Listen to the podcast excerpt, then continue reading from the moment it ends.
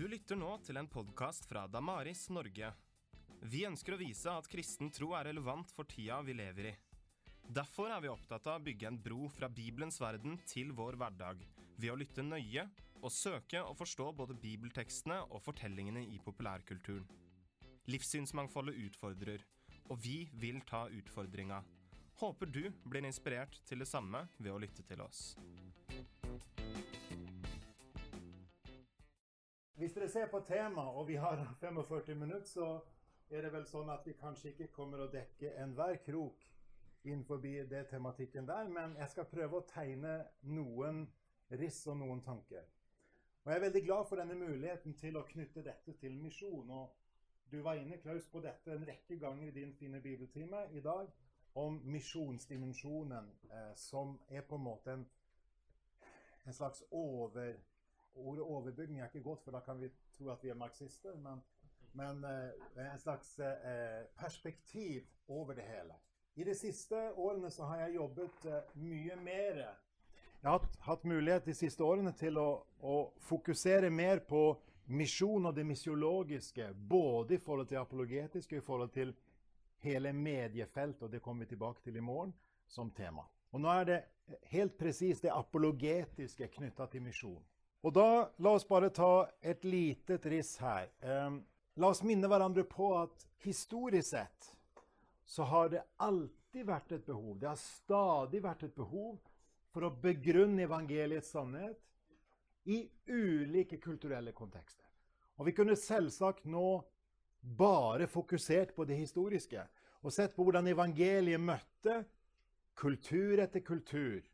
Og der var det også møtepunkt spenningspunkt, tilknytningspunkt, dynamiske prosesser, hendelser, personer, som gikk på dette med sannhetsspørsmålet, som jo apologetikken fungerer, fokuserer i særlig grad på. Videre er det nyttig å reflektere litt over forskjellen mellom misjon og misiologi her. Misjon dere kjenner sikkert forskjellen. Misjon er det utøvende. Misiologi er det reflekterende om det praktiske altså mer fagfeltet. Eh, og sånn sett er vi alle involvert i misjon, men vi er ikke nødvendigvis alle involvert formelt i misiologi. Selv om det også finnes en praktisk form for misiologi der måten vi driver misjon på Vi tenker misjon påvirker hvordan vi, hvordan vi så tenker om misjon, og påvirker andre igjen. Misiologiens historie har vært både reflekterende og normativ. Det vil altså si at den både har tatt utgangspunkt i å reflektere rundt evangeliets møte med kulturer, og å si ikke bare om hvordan tingene er, men hvordan tingene bør være. Det normative. Eh, og det betyr ikke at det alltid har vært, ut fra mitt, vårt perspektiv, gode normer, men det har vært forsøk på å fastsette normer her. Og det er fascinerende å spørre seg hvordan hadde f.eks. Norden sett ut uten noen som tok evangeliet til oss. Og i dag, la oss minne hverandre på det, at vi er i dag i en situasjon der evangeliet er from everywhere to everywhere. Vi er ikke lenger i en situasjon der vi bare sender ut. Det vet dere sikkert alle sammen. Vi mottar også. Og det er en dynamisk give and take-situasjon. Eh, det er et, en partnership-situasjon i internasjonalt eh, misjons-, evangeliserings-, kirkesamarbeid. For å gi oss en inngang til det jeg tenkte å fokusere på, både systematisk og, og, og eh, rent aktuelt, er å ta dere med på en liten sånn eh, veldig rask skisse over noen årstall. Mange av dere vil være kjent med at i 1910 så arrangertes den første store, moderne misjonskonferansen internasjonalt i Edinburgh eh, i 1910. Min oldefar var faktisk en av de norske representantene. Eh, det er jo litt interessant. Han var også med i Continuation Committee, så det er en, en kjekk arv å ta med seg. I Edinburgh så var fokus John Mott var den sentrale personen, med fokus på evangeliet ut i vår tid, i vår generasjon. Det er nok slik at 1900-tallets misjonseksplosjon, om du vil, verden over, ville nok ikke vært mulig uten Edinburgh. Det, det, er mange som sier det, at Edinburgh var, var, på en måte initiativet, eh, det var det sterke fokuset. Det var styrken i dette, var det utadrettede fokuset. Svakheten i Edinburgh, som en rekke har pekt på, det var at den ikke samtidig fokuserte på det læremessige innholdet. Men det var fokus på å nå ut. Veldig, veldig viktig fokus, og som hadde en meget stor betydning for ikke minst alle de, de norske og danske misjonsorganisasjonene som mange av oss har en nær tilknytning til. Så er det fascinerende at Edinburgh både er opprinnelsen til Kirkenes verdensråd og til Lausanne-bevegelsen. Um, I 2010 så var det en konferanse som, i, i, Edinburgh som markerte 100-årsjubileet. Og I forbindelse med det gjorde jeg noe rimelig halsbrekkende. Nemlig en lagde allerede fra 2005 en bokserie som skulle gjøre noe av det en gjorde i 1910. For kan dere tenke dere, I 1910 så, så satte en i gang en rekke studiegrupper. Study Commissions ble det kalt. Og en produserte en bokserie på ca. ti bind. Tenk med datidens kommunikasjoner, med internasjonale redaksjonskomiteer og sånn. Det er fantastisk å tenke på hva en fikk til. Og da, i 2005, så begynte en med tilsvarende prosess for å reflektere over eh, misjon, historisk, systematisk aktuelt, med utgangspunkt i en rekke ulike kristne sammenhenger, veldig bredt økumenisk.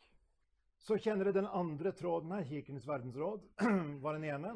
Den andre tråden er da Lausanne-bevegelsen, som har sin opprinnelse med Billy Grahams invitasjon til det verdensvide evangelikale fellesskapet til å samles i Lausanne i 1974.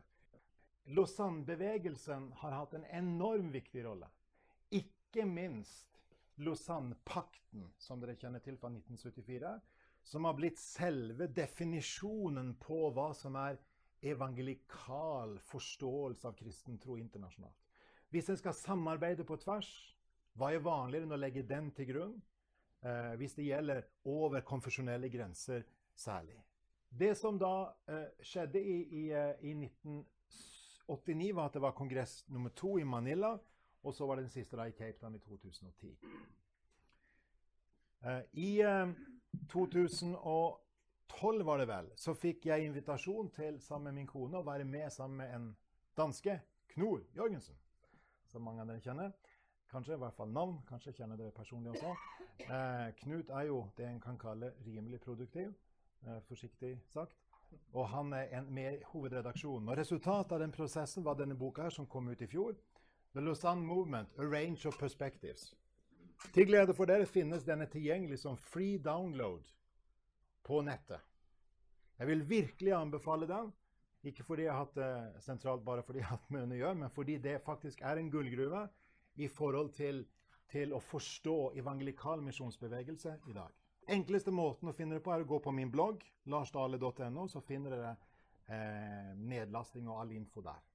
Det som dere skal nevne, eh, som, eller som vi, vi, må nevne her, er jo det faktum at vi, vi lever i en globalisert tid. Og det var jo noe av det absolutt mest fascinerende å være til stede i, i, Cape Town for min del. Jeg hadde ikke vært på en slik global arena før. Uh, av den dimensjonen. Sant? Over 4000 mennesker samla. 196 nasjoner, tror jeg det var. Å kalle det fargerikt fellesskap eller bare fornavnet. Uh, det var en fantastisk spennvidde. Og allikevel maktet han da midt i alt dette å fokusere, ivareta Lausanne-paktens intensjoner og fokusere det som ble kalt uh, Cape Town-erklæringen, The Cape Town Commitment. Og da skifter vi litt gir til det systematiske. Det er nemlig slik at, at uh, etter min mening finner vi en tredimensjonal forståelse av misjon i eh, Cape Town-erklæringen. Mens Lausanne-pakten og Manila-manifestet sine Begge to hadde John Stott som hovedforfatter, som var den andre store skikkelsen ved siden av Billy Graham, som dere sikkert er kjent med mange av dere. Så var eh, Chris Wright, Christopher Wright, eh, eh, gammeltestamentlig misiolog, han eh, var hovedforfatter for Cape Town Commitment. I denne boka her så har jeg et eget kapittel som heter 'Mission in 3D'.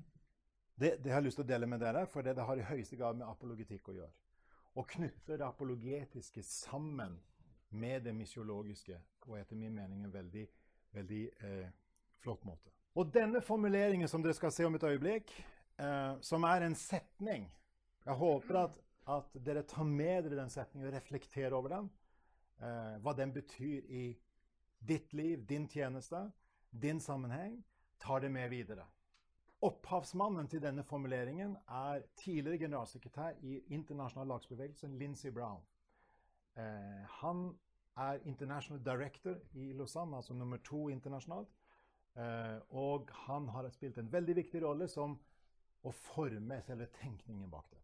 Og jeg vil at Vi skal gå inn i dette, denne setningen med å tenke at den er preget av Johannesevangeliet. Eh, den er preget av eh, en tenkning der både impulser fra studentlagsbevegelsen internasjonalt Lindsys bakgrunn er jo det, som jeg sa. Preget av Labri, eh, som mange av oss har fått lov til å, å, å påvirkes av. Og preget av hele den evangelikale misjonstenkningen. Her er formuleringen. We are called to bear witness to Jesus Christ and all his teaching. In every nation, in every sphere of society, and in the realm of ideas. Og konteksten Denne formuleringen står i forordet, skrevet av, av tidligere toppsjef eh, Dog Bertzel og Lindsey Brown sammen. Og formuleringen omtrent sånn Why this Congress? Hvorfor arrangere denne store kongressen og så Cape Town-erklæringen osv., som samlet misjonsledere fra hele verden og, og, og kirkeledere, eh, kristne ledere og tenkere?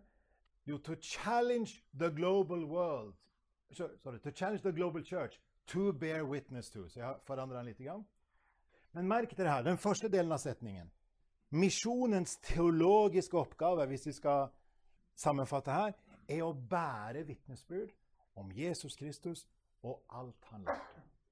Og her, som jeg nevnte, du hører sikkert Johannes evangeliets vekt på martyrein, martyria, altså vitne og vitnesbyrd osv. Eh, du hører også Matteus 28, misjonsbefalingen, døpende dem og lærende dem. Her, etter min mening, så er det fem sentrale momenter her. I hvert fall. Det ene er det kristologiske. Misjonen må ha et fokus, og fokus må være Jesus Kristus. Og det må vi ikke bli trette av og fokusere på. Jeg hadde gleden av å, å, å preke over eh, Markus 1 for noen søndager siden. Eh, Jesu dåp. Eh, og da du siterte Tim Keller eh, Og jeg hadde på forhånd hørt eh, Tim Keller, som hadde en rimelig ikke-norsk-dansk utleggelse, i hvert fall ikke pietistisk utleggelse i måten han formulerte seg på. Han snakket om at, at eh, Faderen og Sønnen inviter, Faderen og Den hellige ånd inviterer Sønnen på dans. Eh, jeg vet ikke om dere husker teksten. At sant, himmelen åpner seg, Den hellige ånd senker seg ned som en due. Og samtidig så kommer stemmen fra himmelen. Eh, det er deg jeg elsker. Du er min sønn. Og hvis du tenker på, på måte den der omfavnelsen som skjer i treenigheten Og det er det dypeste i virkeligheten. Det er treenigheten. Før noe var til, så var treenigheten. Så selv der, ikke sant, innad i treenigheten, finner vi fokuset på Jesus Kristus. Fantastisk. Kristologisk. Lære dem det didaktiske er så sentralt her. Eh, Jesus Kristus og alt han lærte. Sammenhengen mellom det Jesus lærte, og det som vi er kalt til å formidle, lære, undervise. Det tredje er å bære vitnesbyrd om. Altså bevitnelsen. Der ligger selvsagt kjernen i det apologetiske. Å bevitne at det er sant. Hele Johannes-konteksten, Johannes evangeliet, er jo rettssalskonteksten. ikke sant? Martyria. Det finnes en veldig interessant bok eh, eh fra 70-tallet Trites, forfatter, tror jeg, the, con, uh, the, Concept of Witness in John's Gospel', som tar opp dette med, med full tyngde, viser hvor sentralt eh, vitnesbyrde og vitnedimensjonen er i, eh, i, i, det evangeliet. Og det, det, er selvsagt det samme på tvers. Holistisk, det rammer, rommer hele livet. Bære vitnesbyrd er ikke bare med munnen, men det er også med munnen. Det er med livet. Vi ble minnet om i, i den fine bibeltimen din, Klaus, om, om dette at vi kan ikke være solospillere. Det rommer fellesskapet. Det rommer hele dimensjonen. Og for det femte det rommer integriteten både til budskapet og til budbæreren. Det er både budskapet som har en integritet, men også budbæreren. Kan ikke mer enn bare tegne et riss nå, men, men dere ser hvor innholdsfylt denne formuleringen er. Og dette er bare begynnelsen. vi skulle snakket om det. La oss skifte til den andre delen av setningen. To bear witness about Jesus Christ and all his teaching. In every nation. Det er den første dimensjonen til misjon. Jeg snakket om misjon i 3D. Misjon eh, i en tredimensjonal forståelse. Dette er den klassiske forståelsen av misjon. Misjon er å krysse etniske, krysse geografiske, kulturelle eh, eh, grenser med evangeliet til nye steder.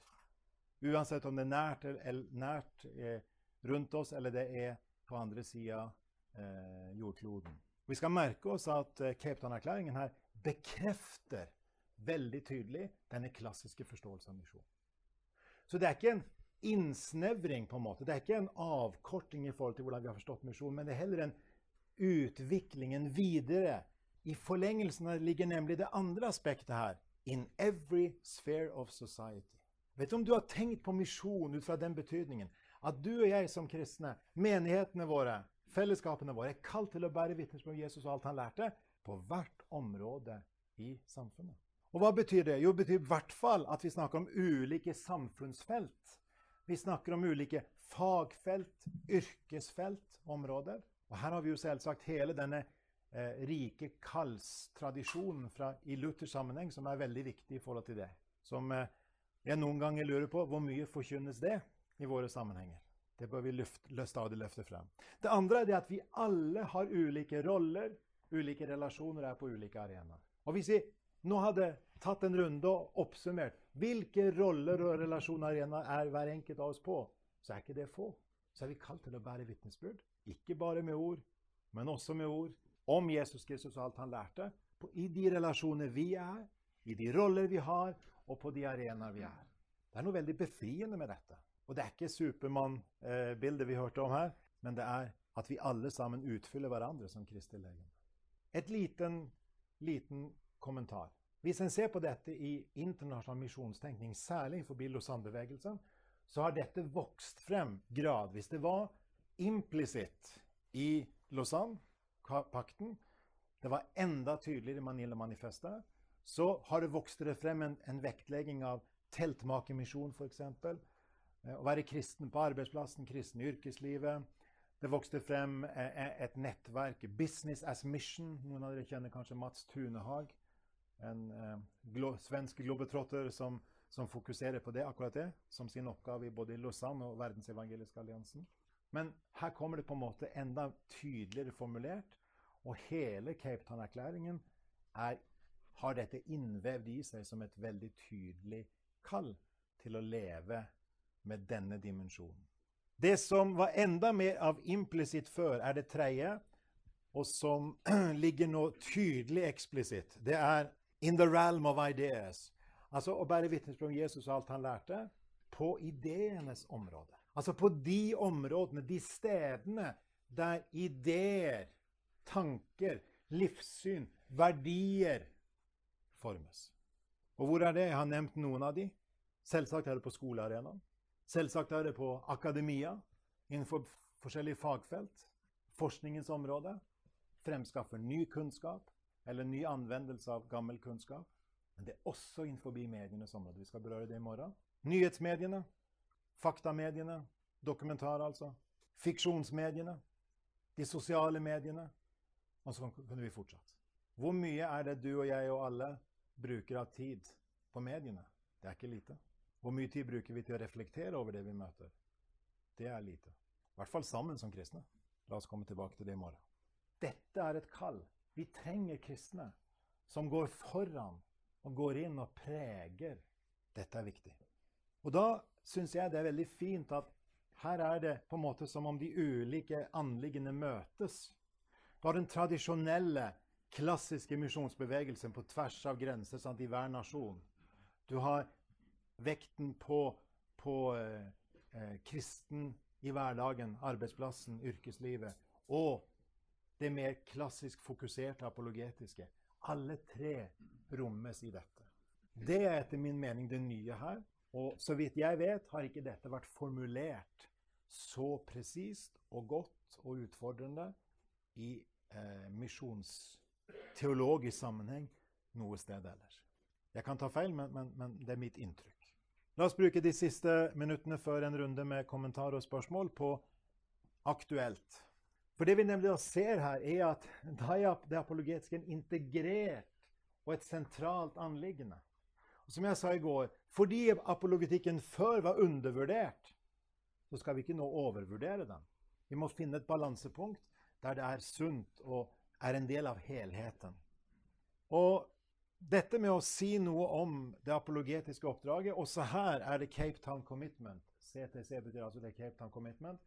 Bryter også ny mark her. Skal du høre noen formuleringer eh, som er eh, veldig utfordrende og sterke, og samtidig oppmuntrende? We long to see greater commitment to the hard work of robust apologetics. Det står i dette misjonsstrategiske dokumentet. Passer det å sitere det på en apologetikkonferanse på DBI? Jeg tror virkelig det gjør det. Jeg eh, tenker på historien med TKM-utdannelsen og alt dette. ikke sant? Og Finn og andre som har vært med og starta dette. Det er en viktig dimensjon. Ja. I en øh, dansk-europæisk sammenheng kan jeg ikke være med at øh, tenke at denne meget fine øh, formulering, en meget, meget klar målsætning, den dukker op øh, på et tidspunkt, hvor kristendommen aldrig har været så øh, svagt repræsenteret i lige præcis øh, skole, akademi og medier. Og hvis vi ser på vores egen øh, danske historie, kirkehistorie de sidste 50 år, så synes jeg, at en af de opmuntrende ting, det er så øh, den, den kristne studenterbevægelse, KFS, ja. startede som en ganske lille gruppe og en, en stor bevægelse, som mange også øh, er, er tak øh, skyldige. Ja. Men er der noget sted, øh, hvor det perspektiv, du havde fremme under punkt 3, har haft fremgang? Ikke i Danmark, men i, i den, øh, den øh, ja, noget sted på, på kloden. Der er nogle steder, hvor, hvor, hvor kristendommen har holdt stillingen i en, en eller anden grad. Måske i USA. Mm. Øh, måske det ikke katolske her Polen, måske det ved jeg ikke. Men, men er der noget sted, hvor man har haft fremgang på det område? Et veldig godt, uh, Takk for spørsmålet. Veldig godt spørsmål og viktig spørsmål. Jeg deler din refleksjon om at, at, dette sammenfaller med en periode i europeisk eh, kontekst, og særlig kanskje nordeuropeisk også, der vi har erfart at kristen tro er på tilbakegang. Eh, vi føler oss svekket, og er svekket på mange måter. Ja, jeg tror det er områder der vi har sett en, en, en tydelig erobring. Og mange peker på et tydelig eksempel som kom i tanken min når du spør, er, er uh, filosofi som fagfelt i, i den angloamerikanske, særlig den amerikanske kontekst. betydningen av personer som Alvin Plantinga, f.eks. En, en, en svært viktig, innflytelsesrik eh, amerikansk eh, teolog, religionsfilosof og filosof, eh, som har vektlagt at en kristen har ikke noe handikap. Stiller ikke med et handikap tankemessig med forutsetningen om at Gud er til, og at Bibelen er sann. Men det er tvert imot. Og han sa i sine tidligere eh, eh forfatterskap en, en, eh, det er legitimt nå har han gått enda mer offensivt ut, uten at jeg har bare lest om det. ikke rukket å lese, lese hva han selv skriver, men han sier det at det er egentlig den legitime begrunnelse for å drive intellektuelle arbeid finner vi i den kristne virkelighetsforståelsen. Og Alvin Plantingas innsats er, er svært, svært som døråpner. Det har ført til at et økende antall prosentuelt av eh, eh yrkesfilosofer i USA eh, altså på, som jobber i filosof, filosofifakulteter, eh, som eh, regnes som, som, som eh, kristne i dag. Enten med en, en, evangelikal bakgrunn eller med en katolsk bakgrunn, kanskje særlig. Prosenttall Noen sier at det nå er 25 kanskje, og det var forsvinnende lite.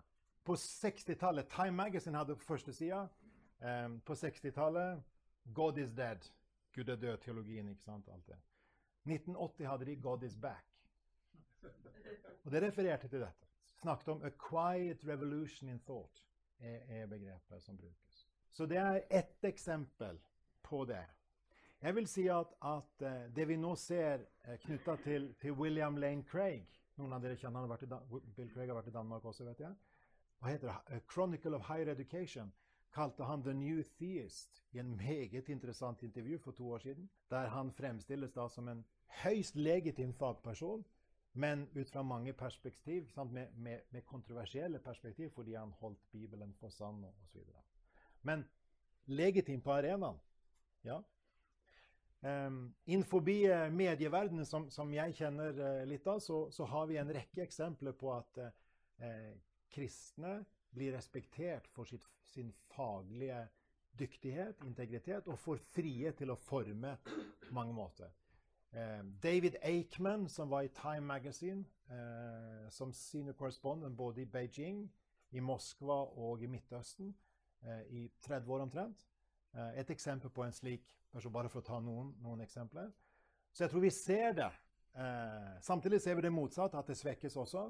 Men vi ser eksempler på at det nytter. Det nytter, og, og det oppmuntrer hverandre til at det nytter.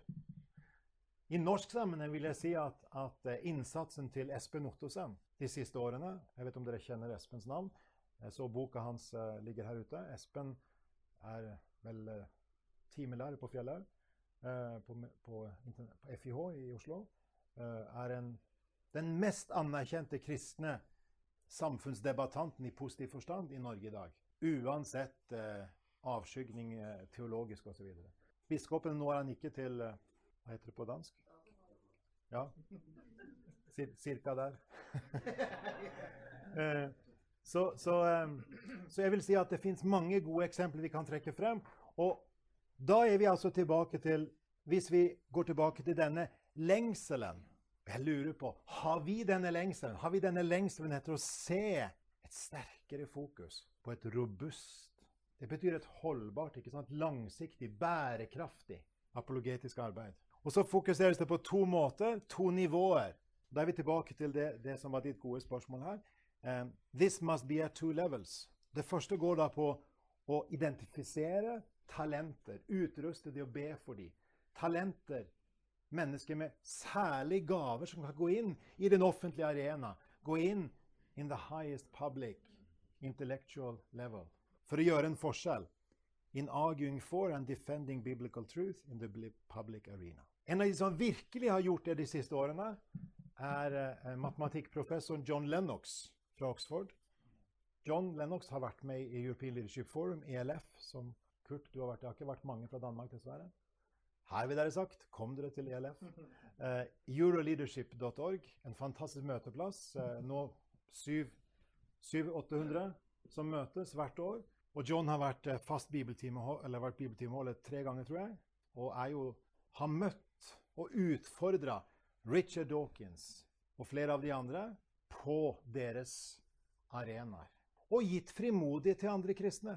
Jeg vet hva, noe av hva det kosta for John å gjøre det. ikke sant? Det var ikke noen enkel sak. Jeg husker, Dere kan gjerne notere dere. The God Delusion Debate. Hvis dere googler den, The God Delusion Debate, så er det fra 2006 eller noe, 8, nede i Alabama, i sørstatene, mellom Richard Dawkins og John Lennox.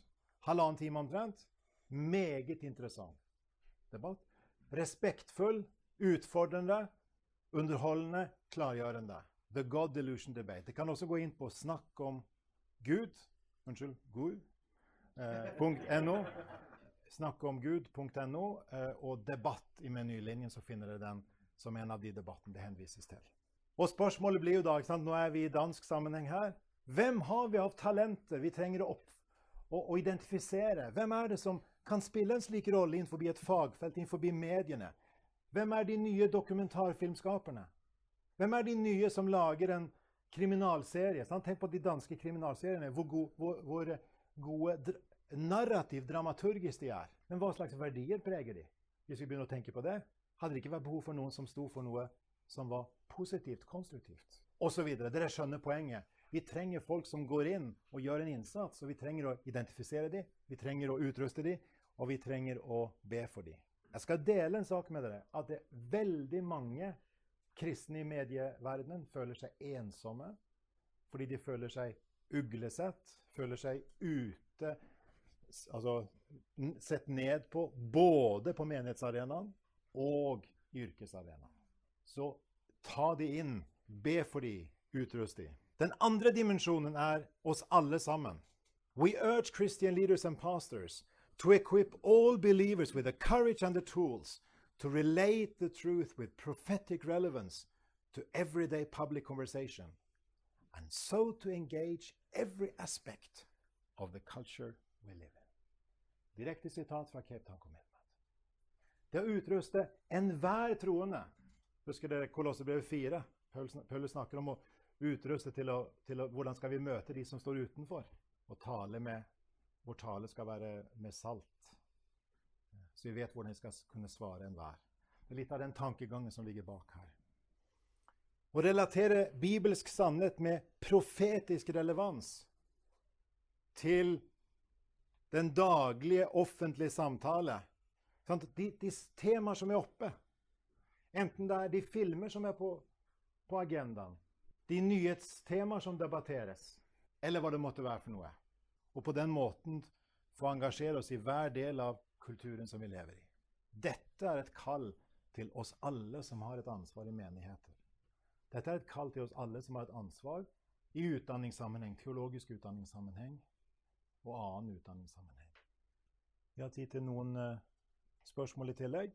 La meg bare nevne disse tre ressursene igjen. Snakk om tro.no, som lanseres i nytt design på mandag.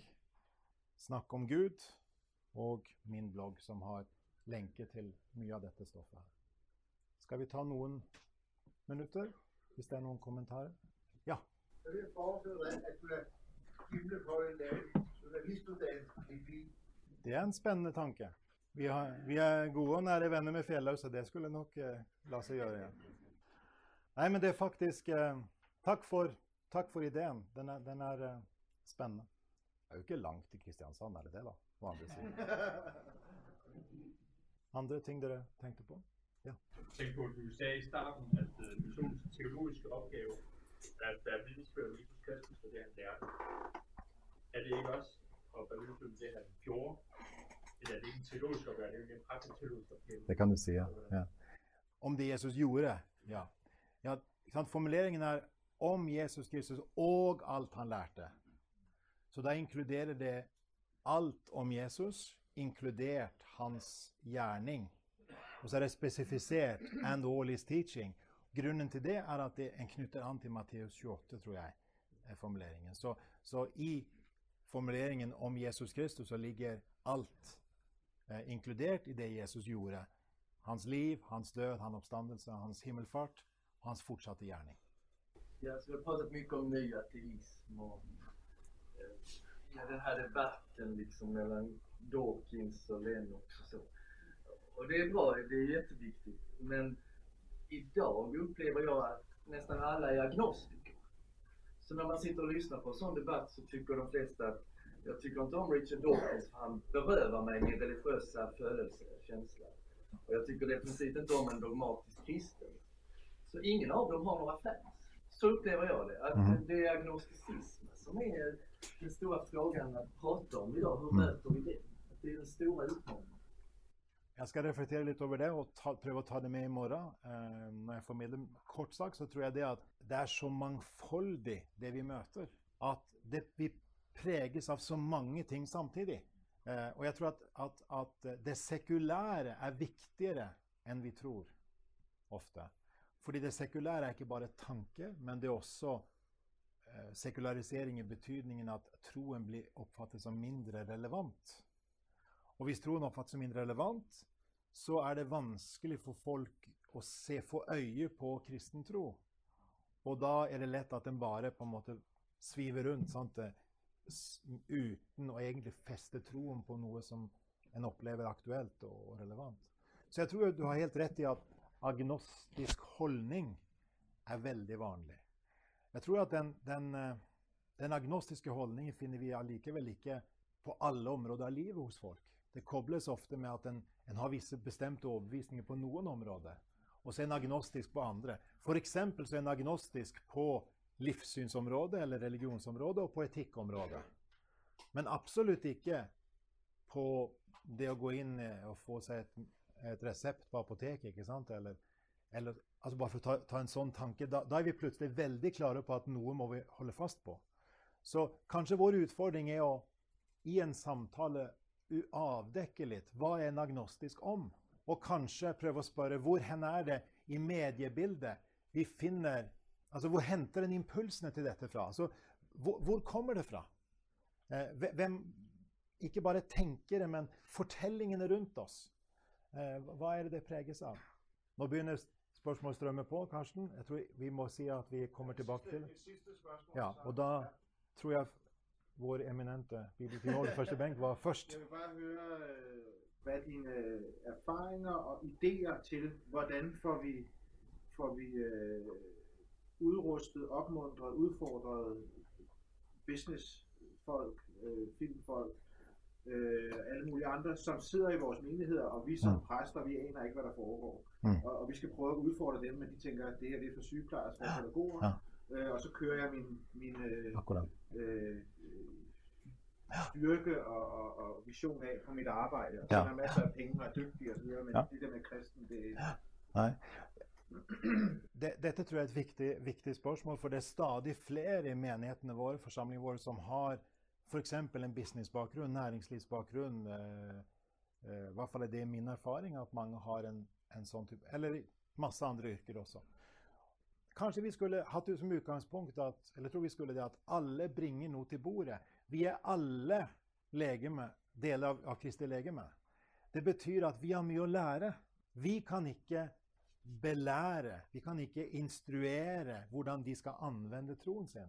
Og de kan heller ikke instruere oss, ikke sant? men vi kan lære av hverandre. Og spørre hvordan kan vi skape arenaer for det. For jeg tror at Utfordringen er hvis vi identifiserer kallet som noe som gjelder presten, kateketen, barnearbeideren, misjonæren, evangelisten, søndagsskolelæreren. Punktum. Ja, hvor mange i forsamlingen er det? Og hvor, hvor mye av, av, av, av eh, 24-7 er det? Det er veldig lite. Og Derfor så står vi i fare for å, å, å, å profesjonalisere kallet på feil måte, mens andre står i fare for å privatisere kallet. Sant? Så vi må, må balansere mellom dette. Eh, jeg vet om dere har sett eh, boka til Osgin, som er en annen person som bør nevnes her. i denne sammenhengen. Eh, dere kjenner sikkert navnet Osgin. Jeg tror han har vært her. ikke? det? boka 'The Call'. La meg slutte med å sitere det. Hans definisjon på kallet. The call is the truth that God calls us so decisively to himself that everything we are, everything we do, and everything we have is invested with a special, a special uh, devotion, a special direction, and a special dynamism, because it is done as a response to his summons. Det er hans definisjon på kall. Og det er fantastisk. For, for det, vi kunne gått inn og, og det, som det heter. Men, men der finner vi. Sant? Og vi kommer da alle sammen. Hver vår hverdag kommer vi med. Og hvis vi får bekrefta hverandre på at det er ikke vi som på en måte har kallet, og de andre skal understøtte oss Ja, på ett område er det sånn at vi har et kall til å forkynne Guds ord. Hvis vi har det. Og da er andre, Men vi er kalt til å understøtte de på andre områder. Og da ser vi at her er det et fantastisk møtested. Og det å få skape forum og skape arena, få be for hverandre, få vise sårbarhet, få være til stede for hverandre og få løfte folk som har viktige roller i samfunnet, og folk som har hverdagsroller. Da er vi tilbake til roller, relasjoner og arenaer. Takk for at du lyttet til denne podkasten fra Damaris Norge. Du finner flere ressurser fra Damaris på snakkomtro.no, kulturvindu.no og konfirmantonline.no.